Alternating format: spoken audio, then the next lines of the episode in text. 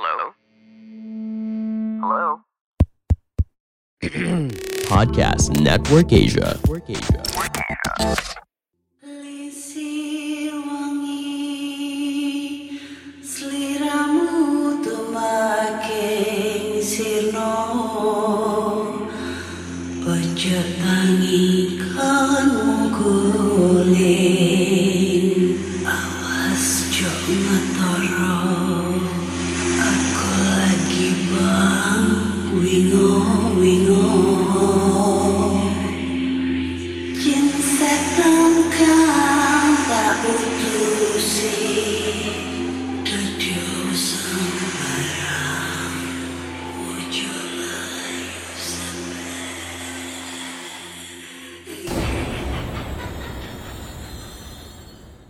Hai Re, iya apa kabar ya?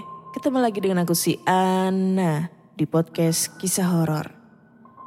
Ketemu lagi di episode 120 dan di episode kali ini aku akan bacakan cerita horor ataupun email berhantu yang sudah dikirimkan teman-teman melalui podcast kisah horor eh at gmail.com anjir bingung. Ataupun DM Instagram podcast kisah DM Instagram Ana Olive serta Google Form yang linknya tersedia di bio Instagram podcast kisah horor So di opening kali ini aku nggak pakai ketawa karena lagi batuk ya takut nanti ketawanya nggak semaksimal mungkin. Tapi kali ini aku akan menyampaikan sebuah fun fact yang terbaru ya. Wah podcast kisah horor sekarang ada fun fact bro. Nggak dong.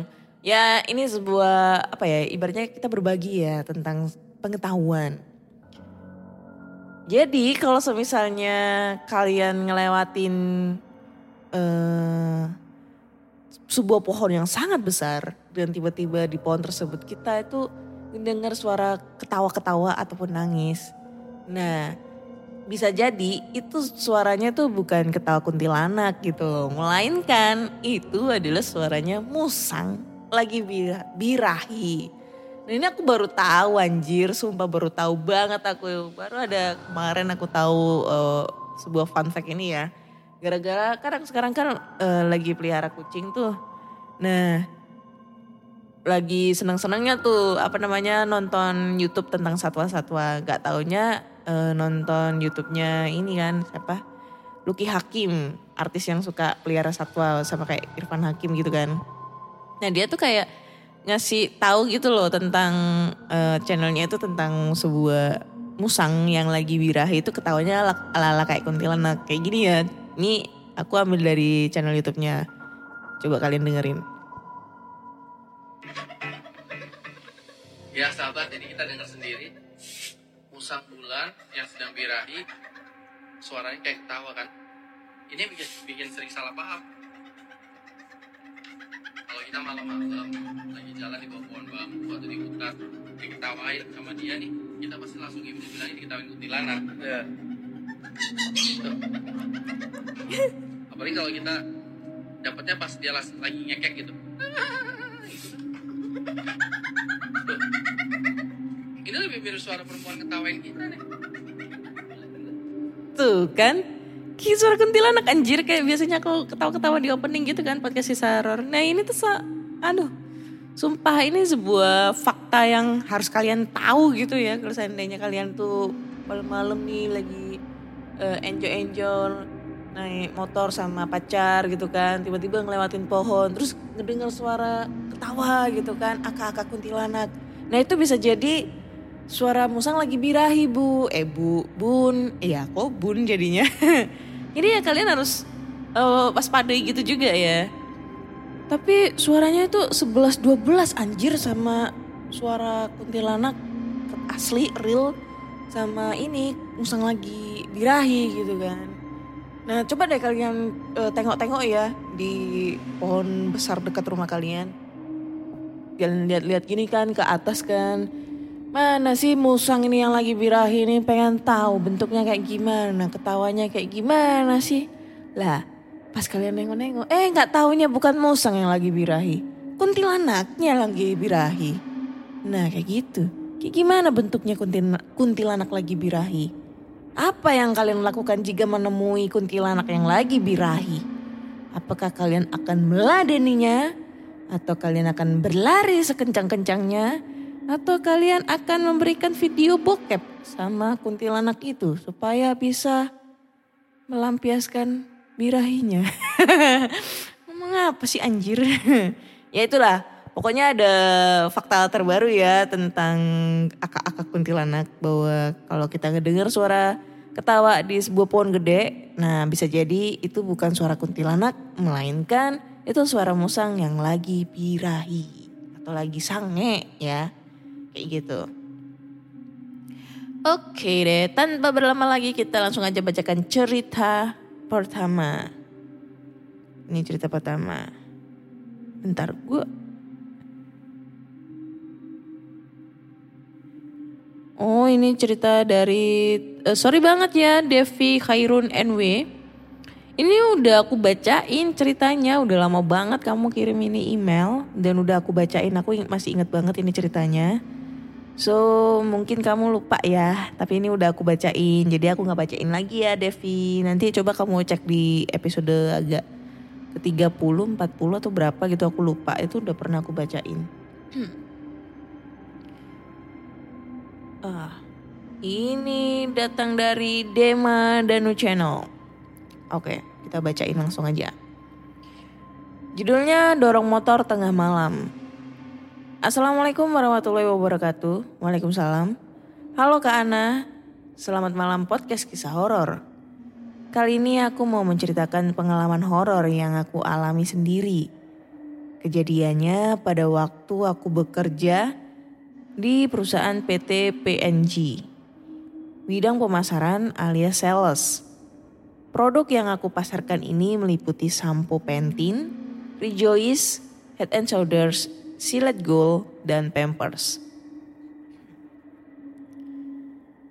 Dan masih banyak yang lainnya. Pada waktu itu saya bekerja berangkat jam 8 pagi. Setelah saya mempersiapkan produk-produk yang hari ini untuk saya bawa dan saya pasarkan, saya bergegas berangkat. Karena saya mengejar target supaya bisa nutup target tiap bulan dan mendapatkan bonus. Berangkatlah saya dari toko ke toko karena saking semangatnya saya jadi lupa waktu dan ternyata gak terasa sampai malam. Sekiranya sampai kantor pukul 8 waktu Indonesia Barat. Ternyata di kantor tinggal aku dan customer service. Bersegeralah saya bikin laporan pemasaran hari ini, ya kira-kira sampai setengah jaman. Setelah selesai saya bergegas pulang mengendarai sepeda motor. Sekira beberapa menit saya naik motor, tiba-tiba saya dapat telepon dari teman. Dan dia ngajakin main futsal. Karena pada waktu itu saya hobi banget main futsal. Ya udah, saya langsung mengiyakan saja. Berangkatlah menuju tempat futsal. Sampai sana terus mainlah kira-kira dua jam. Setelah selesai, saya berpamitan dengan teman saya. Bergegaslah pulang dan jarak rumah dari tempat futsal lumayan jauh, kira-kira 18 km. Kalau ditempuh sepeda motor kurang lebih satu jaman. Pada saat saya berkendara, jalanan sangat sepi. Karena pada waktu itu... Sampai mana tadi? Karena pada waktu itu udara sangat dingin. Dan ternyata habis hujan. Saya berkendara dari jalur jalan raya. Sampailah saya belok masuk jalan menuju ke rumah saya. Dan di jalanan ini di tengah persawahan dan samping kirinya adalah kali dari bendungan. Jelas tak ada penerangan sama sekali di jalan ini. Cuma sorot lampu motor saya. Dan tak satu pun ada kendaraan lain yang lewat. Pas di tengah-tengah jalanan tiba-tiba ini motor goyang apes lah. Ternyata ban belakang motor saya kempes. Terpaksalah saya dorong sekira 10 menitan. Gak tahu kenapa, bulu kuduk aku merinding serasa ada yang ngawasi setiap langkahku. Tiba-tiba saya dikagetkan seekor burung besar di tengah jalan. Dari kejauhan lampu motor saya. Anehnya burung ini aku sorot motor, dia tak mau pergi. Sampai aku mendekati. Gila, burung ini bener-bener besar, hampir segede ayam jantan. Aku coba suruh burung ini pergi. Dan ternyata burung ini pergi. Terbang sekira setinggi 5 meter. Aku lihat burung ini malah berubah menjadi banaspati yang menyeramkan. Dengan api yang menyala-nyala. Dan jelas itu. Dari atas dia terus mengikutiku gak karuan. Sam apa ini? Sampai aku cepat dorong motor dengan saya nyalain motor. Terpaksa tetap aku naikin walau bocor karena sudah takut. Sampailah saya di rumah. Paginya motor aku baru aku bawa ke bengkel. Oke kak, sampai di sini dulu. Mungkin cerita ini kurang serem, tapi ini nyata.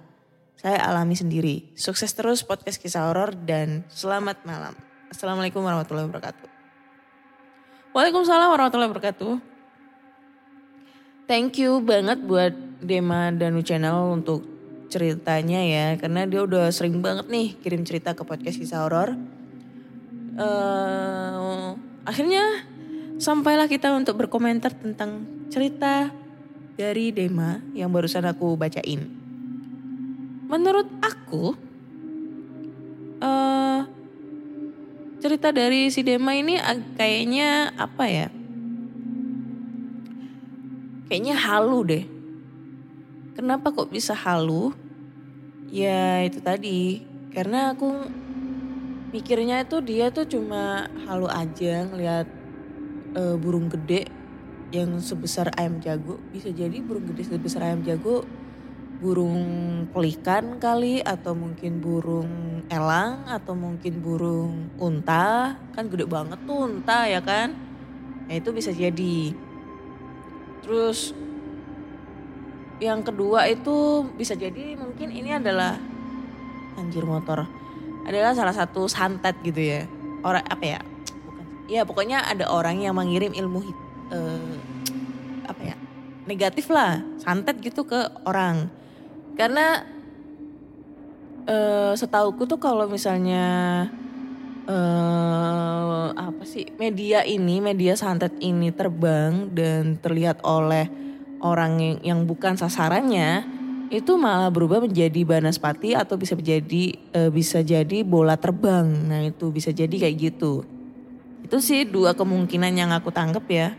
Entah itu halu entah itu emang beneran kayak gitu tapi ya lumayan lah seremnya. Walaupun di endingnya itu agak sedikit belibet ya. Nggak paham untuk alurnya. Dan tadi juga aku sebutin ada beberapa iklan. itu kita harus memanfaatkan ya ada iklan masuk. Seperti eh, sampo Rejoice, sampo Pantene, eh, Head and Shoulders lagi terus Pampers, Silat Gold yang diproduksi oleh PT PNG tolong kepada eh, manajernya PT PNG ini produknya udah aku sebutin di podcast kisah horor. Kalau kalian ngedengerin ini, tolong manajernya segera menghubungi saya untuk tanda tangan kontrak supaya aku bisa mendapatkan cuan untuk mengiklankan. cuan, cuan. Ini harus bisa dimanfaatkan, Bro. Karena sekarang kalau mau cari uang itu susah. Jadi kita harus memanfaatkan dari iklan-iklan yang mau untuk kita iklankan atau kita pasarkan.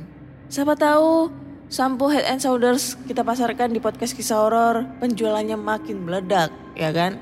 Karena saya sendiri juga pengguna sampo tersebut. Selain samponya bisa lembut, mengurangi ketombe, dan bisa juga membuat kantong kita kering. Karena harganya yang sangat mahal. Belilah sampo Head and Shoulders. Dijamin kalian bakal puasa. Iya bro, mahal banget samponya. Yang kecil aja harganya 30 ribu. Bisa nggak sampai sebulan tuh habis. ya itu tadi ya pokoknya. Eh, mungkin halu lah kalau aku ngelihatnya ya. Kamu lagi mau mengembangkan podcast kamu, tapi bingung caranya bagaimana? Mulai dari sisi performance-nya, menentukan rate konten kamu, sampai bagaimana cara memonetisasinya. Nah, coba deh cek Podmetrics. Podmetrics adalah platform yang bisa membantu kamu untuk lebih mudah melihat performa konten podcastmu. Lalu melalui Podmetrics, kamu juga bisa menentukan rate podcastmu melalui data yang tersedia. Serta bisa juga memonetisasi kontenmu dengan champion-champion dari brand yang cocok dengan podcastmu. Bahkan, Podmetrics juga bisa membantumu untuk mendapatkan inspirasi dalam membuat iklan pada podcastmu dengan contoh iklan yang sudah tersedia. Nggak ketinggalan juga, sekarang Podmetrics juga ada fitur Pod Earnings dengan berbagai metode pembayaran. Sehingga memudahkan kamu untuk mendapatkan penghasilan dari Podmetrics. Jadi, kalau kamu seorang podcaster, pastikan kamu mendaftar Podmetrics dengan memakai Podmetrics referralku. Klik langsung aja pod link yang ada di deskripsi box dalam episode ini. Oke. Next, kita lanjut ke cerita berikutnya ya. nah, cerita berikutnya ini datang dari Google Form. Langsung aja kita bacakan ceritanya. Halo Kak Ana. Sebenarnya aku ini orangnya termasuk penakut. Jadi karena sepertinya sekarang lagi marak cerita-cerita serem apalagi podcast-podcast horor. Dan di satu sisi lain, aku adalah pendengar baru dari podcast kisah horor yang sekarang menjadi ngefans dengan podcast kisah horor. Thank you banget. Jadi aku akan menceritakan pengalaman horor aku kepada podcast kisah horor. Berawal dari kisah seram pertama aku di rumah kontrakan keluargaku di Jawa. Rumah ini emang serem banget. Emang modelnya nggak kayak rumah zaman Belanda. Tapi ya gitu, dari auranya aja udah beda. Serem-serem nggak jelas.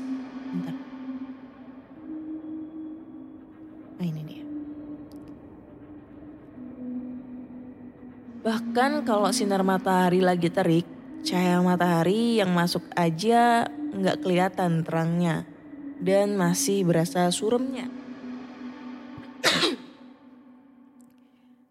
Ceritanya rumah kontrakanku ini dibagi jadi dua bagian. Bagian depan dan belakang. bagian depan rumahku itu isinya dua kamar, ruang TV sama ruang tamu. Sedangkan bagian belakang itu isinya ada dua gudang yang bentuknya emang cuma disekat nggak kayak ruangan gitu. Katanya sih sama si pemilik dulu itu buat naruh bisnis kerupuknya dia. Kamar mandi kita itu juga nyempil deket sama gudang itu. Singkat cerita, dari awal pindahan di sini hal yang hal apa nih? Hal yang serem banyak banget yang terjadi. Yang pertama, gagak yang selalu mampir di atap rumah. Ini yang gak pernah sepi. Tiap mau maghrib sampai malam habis isya, selalu ada gagak yang mampir di atap kontrakan aku. Enggak cuma mampir, tapi juga ramai banget. Pernah waktu itu yang paling serem pas ada dukun di desaku yang sedang meninggal. Tahu-taunya ada gagak gede banget di atap rumah dan bersuara kencang banget. Bukan cuma itu, adik aku yang nomor satu, yang emang dianya bisa lihat yang kasat mata gitu, tiba-tiba rewel nangis mulu sampai jam 2 pagi. Sekalian ngomongin adik aku yang satu ini. Dia pas kita pindah di sini itu emang dari kecil. Dan dari kecil juga udah ketahuan bisa lihat yang aneh-aneh. Mulai dari ketawa sendiri, terus tiba-tiba nangis takut. Belum lagi tiap maghrib, mata dia selalu melotot ke atas sambil mengerutkan mulutnya kayak marah gitu. Kedua, gangguan kecil yang dialami nyokap. Ntar dulu gue kebatuk. Aduh. Nyokap aku itu emang yang paling sering diganggu di antara kami sekeluarga. Nah, jadilah pas pindah ke kontrakan ini awalnya gangguan-gangguan kecil mulai muncul. Seperti kompor yang nyala buat masak tiba-tiba mati sendiri. Terus mainan adik aku yang tiba-tiba nyala sendiri. Suara orang berjalan dan yang paling serem adalah ketika nyokap aku waktu itu Nina boboin adik aku. Terus tiba-tiba lihat kaki gitu yang seolah-olah ada orang duduk di ranjang. Dipikir nyokap aku itu kaki aku yang lagi duduk. Tapi pas lihat di kasur sebelah, nyokap lihat aku lagi tidur. Alhasil nyokap aku teriak kaget. Nah, pas dilihat lagi, keberadaan kaki itu udah tiba-tiba hilang gak jelas. Ketiga, suara orang berjalan dan orang menyapu di teras samping dan depan. Ini yang paling ngeselin kak. Jadi dulu aku emang sering banget tuh tidur depan TV karena di kamarku nggak ada TV juga. Tiap malam kira-kira jam 1 menuju setengah dua itu selalu ada suara orang berjalan di teras depanku. Berhubung ruang TV itu cuma dibatasin satu tembok sama teras, jadi kedengeran banget itu suara orang berjalan. Pernah satu hari aku iseng nengok ke teras depan. Pengen lihat siapa yang iseng banget jalan di teras orang malam-malam gini. Tapi pas aku lihat tuh suara itu hilang tapi pas aku balik lagi buat tidur, eh suaranya balik lagi. Sumpah, aku merinding waktu itu. Langsung cari kain buat nutupin muka aku dan tidur deh. Kalau suara orang menyapu itu datangnya dari tetangga sebelah. Pernah waktu itu tetangga protes ke nyokap karena dikira nyokap tiap malam selalu nyapuin teras samping yang diprotes bukan karena menjaga kebersihannya sih, tapi suara berisik dari sapunya itu yang bikin risih. Diprotesin kayak gitu, nyokap aku bingung. Soalnya dia gak pernah nyapu teras malam-malam. Boro-boro mau nyapu. Orang tiap pagi nyokap kerja dan malamnya harus ngurus adik aku yang masih bayi. Dan jadilah ini masih menjadi misteri Siapa yang malam-malam nyapu halaman samping aku? Ada yang bilang kalau yang nyapu itu wujudnya kayak mbah-mbah bungkuk gitu. Pakai baju zaman dulu ala-ala Jawa kuno gitu sih. Cuma gak pernah kelihatan mukanya kayak gimana. Keempat, tuyul-tuyul dapur. Kalau ini aku yang ngalamin sendiri kak. Waktu itu pas siang-siang dan kebetulan aku lagi sendirian di rumah. Eh, aku denger suara anak kecil lari-larian sama ketawa dong di dapur dan gudang. Karena penasaran, aku sempet nengok tuh ke dapur. Nengoknya dari kejauhan sih. Dan bener, ada empat kat, ada empat anak kecil lagi lari-larian di tengah dapur. Anjir, masih inget aku. Rasa-rasa merindingnya kayak gimana. Bahkan pas nulis ini aja aku masih merinding kak. Aku langsung diem, gak gerak, dan gak teriak, diem aja gitu. Sampai aku akhirnya sadar dan tanpa apa pun aku langsung cabut lari sekencang-kencangnya. Di situ aku masih inget banget cekikannya mereka yang justru semakin kenceng begitu aku lari. Lima, pocong di kamar mandi. Jadi cerita ini bermula ketika salah satu tetangga aku ada yang mampir nebeng kamar mandi gitu. Dan pas dia mau masuk, eh dia lihat ada pocong. Dua lagi. Yang satu duduk di atas mesin cuci kita dan yang satu dia berdiri di pojokan kamar mandi. Matanya gede, hitam, gak ada putih-putihnya, dan mukanya hancur berkerut gitu.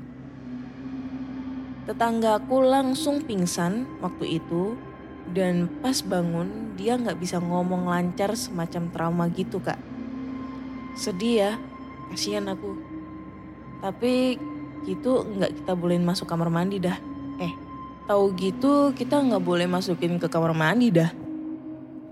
Tapi emang ada masalah gitu deh dari awal. Soalnya sering banget air keran nyala sendiri. Kalau nggak gitu mati. Padahal di tank penyimpanan airnya penuh. Kadang airnya itu keruh dan bau.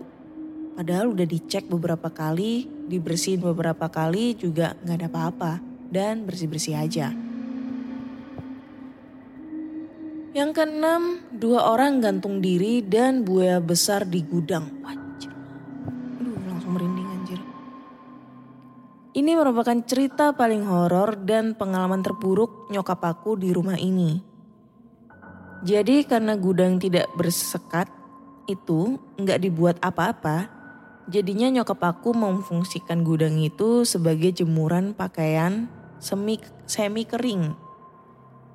Nah, kejadiannya ini bermula pas abis maghrib menuju isya.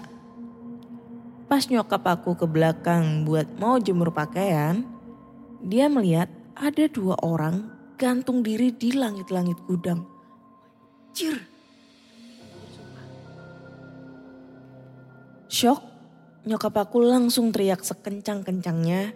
Waktu itu sampai beberapa tetangga aku datang.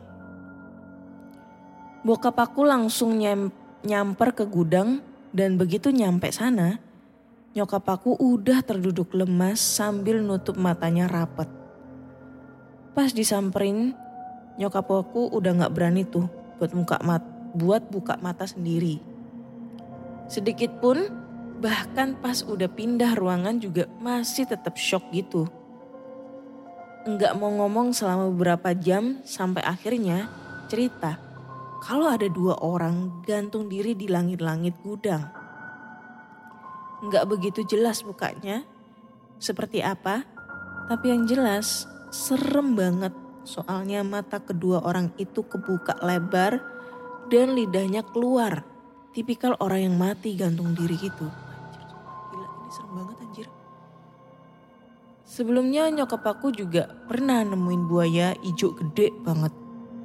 Gedenya bisa sampai ngisi hampir separuh lebar gudang gue. Lagi jalan ke arah dia dan nyokap aku juga pas mau masuk gudang.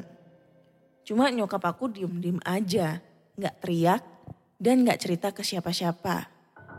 Sampai akhirnya pas kejadian orang gantung diri ini, nyokap aku baru cerita. Dan akhirnya setelah kejadian ini keluarga aku pindah. Udah nggak kuat buat bertahan di tempat hina ini. Anjir, hina bro. Misteri dibalik kemistisan kontrakan. Dan bener ada cerita dibalik semua kemistisan ini kak. Jadi lahan sebelum rumah itu dibangun emang sempat dijadiin tempat semedi dukun desaku. Bahkan dulu ada batu gede banget dan di sana ada jin yang suka sholat di situ. Bukan cuma itu, ada juga pohon sawo yang konon katanya ada gendruwo yang singgah dan netep di pohon itu. Kalau masalah buaya dan orang gantung diri itu sepertinya karena dulu karena di batu di batu ukuran gede ada jin yang singgah jadi makin banyak orang hilaf yang suka nyari pesugihan di sana. Bahkan dengar-dengar sampai hari ini nih Meskipun rumah itu udah dibongkar dan di merget sama rumah di sampingnya dia, area rumah kontrakan itu masih angker. Masih sering ada penampakan pocong, anak kecil, dan lain-lain. Apalagi area rumah itu sekarang udah dijadiin kolam renang sama pemilik barunya. Kira-kira gitu aja sih kak cerita seram pertama aku ini. Next, aku akan update lagi cerita seram lain yang pernah aku tahu atau orang-orang sekitar aku alamin selama ini. Thank you banget ceritanya, gila ini serem banget anjir. Apalagi pas cerita dua orang gantung diri. Beuh, horornya kerasa banget anjir. Kayak gimana gitu. Tapi ini apa ya? Cerita pertama yang masalah eh, nyapu, orang nyapu ini sama sosok orang yang ada di kamar mandi. Tapi kalau itu bukan sosok sosok pocong sih ya, melainkan sosok orang yang sedang kayak mandi. Aku lupa ini udah pernah cerita apa belum ya. Tapi mungkin aku mau ceritain lagi deh. Jadi waktu kecil, iman masih aku TK lah ya. Mamaku ini kan orang Nganjuk nih ya, orang asli Nganjuk. Terus kit- eh, waktu itu bapakku itu beli rumah gitu kan, beli rumah di area Nganjuk. Ya a- dek- rumahnya agak jauh lah dari rumahnya mbahku ke rumahnya eh, mamaku waktu itu ya. Nah waktu itu rumah itu dalam kondisi bangunan yang udah tua terus direnovasi ulang gitu kan. Nah waktu itu pas waktu renovasi mau nggak mau kita tidur itu di rumah tetangga dulu gitu kan. Sampai satu kamar jadi buat kita singgah. Rumahnya itu pas di sebelah rumah rumah aku yang lagi direnovasi. Nah di rumah tersebut itu bangunannya tuh masih terbilang kuno ya. Karena waktu itu aku masih TK. Jadi ya aku aja kelahiran 91 anjir. Jadi kalau TK mungkin sekitar tahun 95 apa 96 gitu ya. 95 lah waktu itu karena 97 aku udah masuk SD. Wah anjir tua banget. Jadi kelahiran eh, waktu 94 apa 95 gitu aku lupa. Nah pada saat pada saat itu eh, aku ingat banget waktu itu kakiku lagi sakit.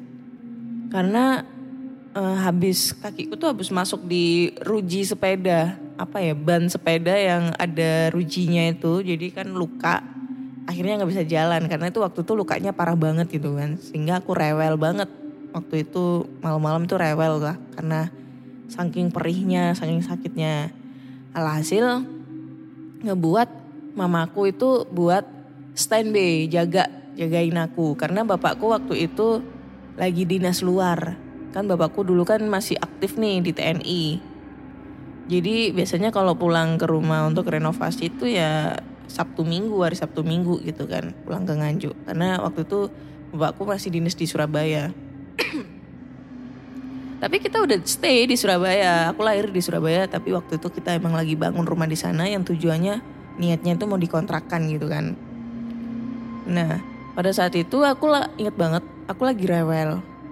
Terus mamaku ini lagi ngejagain aku. Nah ini mamaku lagi cerita, mamaku cerita ya. Jadi kita tidur di rumah tetangga. Nah tetanggaku ini hidup sendiri, cewek.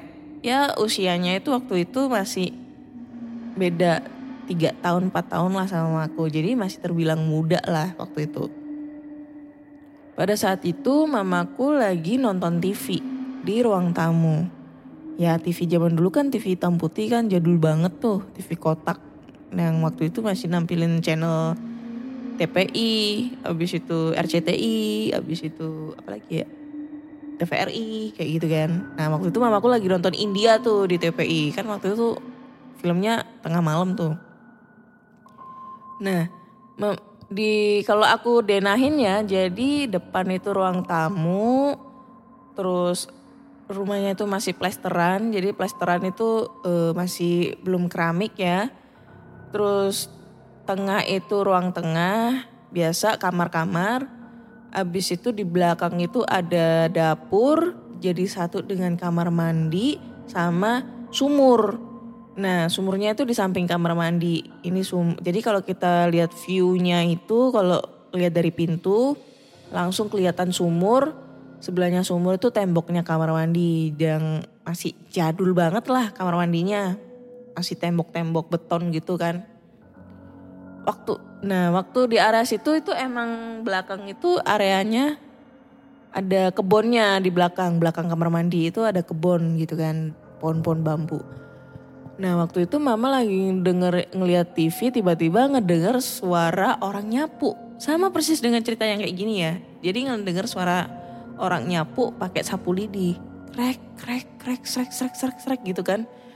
Keras banget suaranya dan itu cukup lama didengerin. Mamaku udah feeling banget, udah feeling gak enak banget gitu loh. Pasti ini aneh-aneh, gak mungkin dong tengah malam gitu ada orang yang nyapu-nyapu gitu kan udah lah.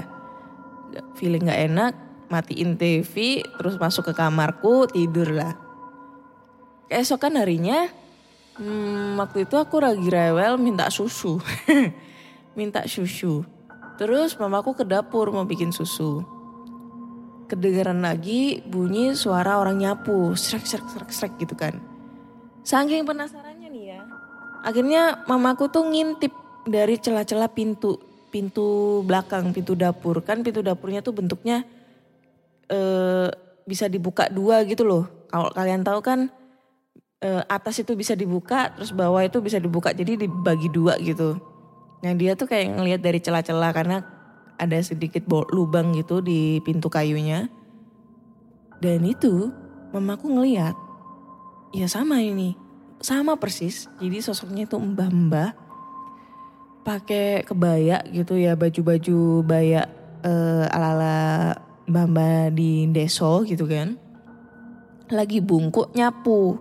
Kan kalau orang nyapu itu kan sambil bungkuk kan nyapu pakai sapu lidi kan sambil bungkuk. Nah itu lagi bungkuk nyapu dengan rambutnya itu dicepol.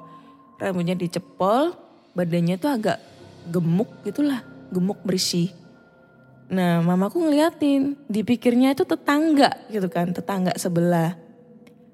Masih ngintip di, di lubang pintu itu, tiba-tiba, ini cerita dari mamaku ya. Tiba-tiba sosok tersebut itu berhenti nyapu, terus ngeliat ke arah pintu yang di, di balik pintunya itu ada mamaku. Langsung mamaku tuh lari ke ke kamar, nggak berani lagi ke dapur. Akhirnya alhasil itu kalau misalnya mau bikinin aku susu atau apa termosnya itu ditaruh di kamar. Nggak mau bikin lagi di dapur. Terus yang ke berikutnya itu ini apa suara orang mandi gitu kan. Jadi ceritanya itu lagi tidur tiba-tiba mama aku tuh ngedenger kayak orang suara man kayak denger suara orang lagi mandi gitu. Dan mandinya itu kayak nggak wajar gitu kayak jebur jebur jebur jebur kayak gitu loh. Apa ya kayak orang nggak pernah mandi gitu ya gayungnya jebur jebur jebur jebur gitu kan. Terus kayak ada kayak ada orang yang lagi nimba air nimba air di sumur. Kan kedengeran banget tuh katrolnya sumur ember itu yang kalau ditarik itu bunyi apa ya bunyi besi yang kena hentakan gitu. Nah dipikirnya itu uh, tetangga uh, tetanggaku yang kita tumpangin rumahnya gitu kan. Dipanggil gue lupa namanya siapa anjir. Tapi beliau kayaknya udah nggak ada deh. Lupa banget siapa namanya. Terus dipanggil nggak nyaut.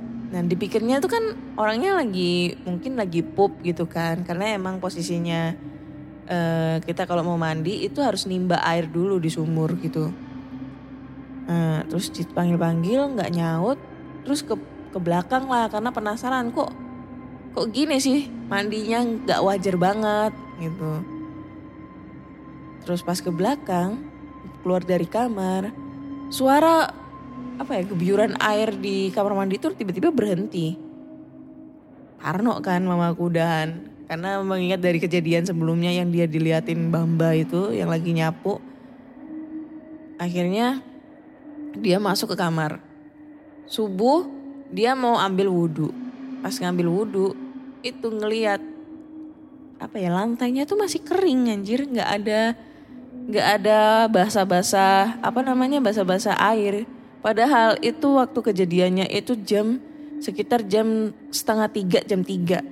Sedangkan subuh itu jam empat. ya jaraknya tenggang waktu satu jam dengan kondisi keadaan kamar mandinya juga masih plesteran gitu kan, bukan keramik.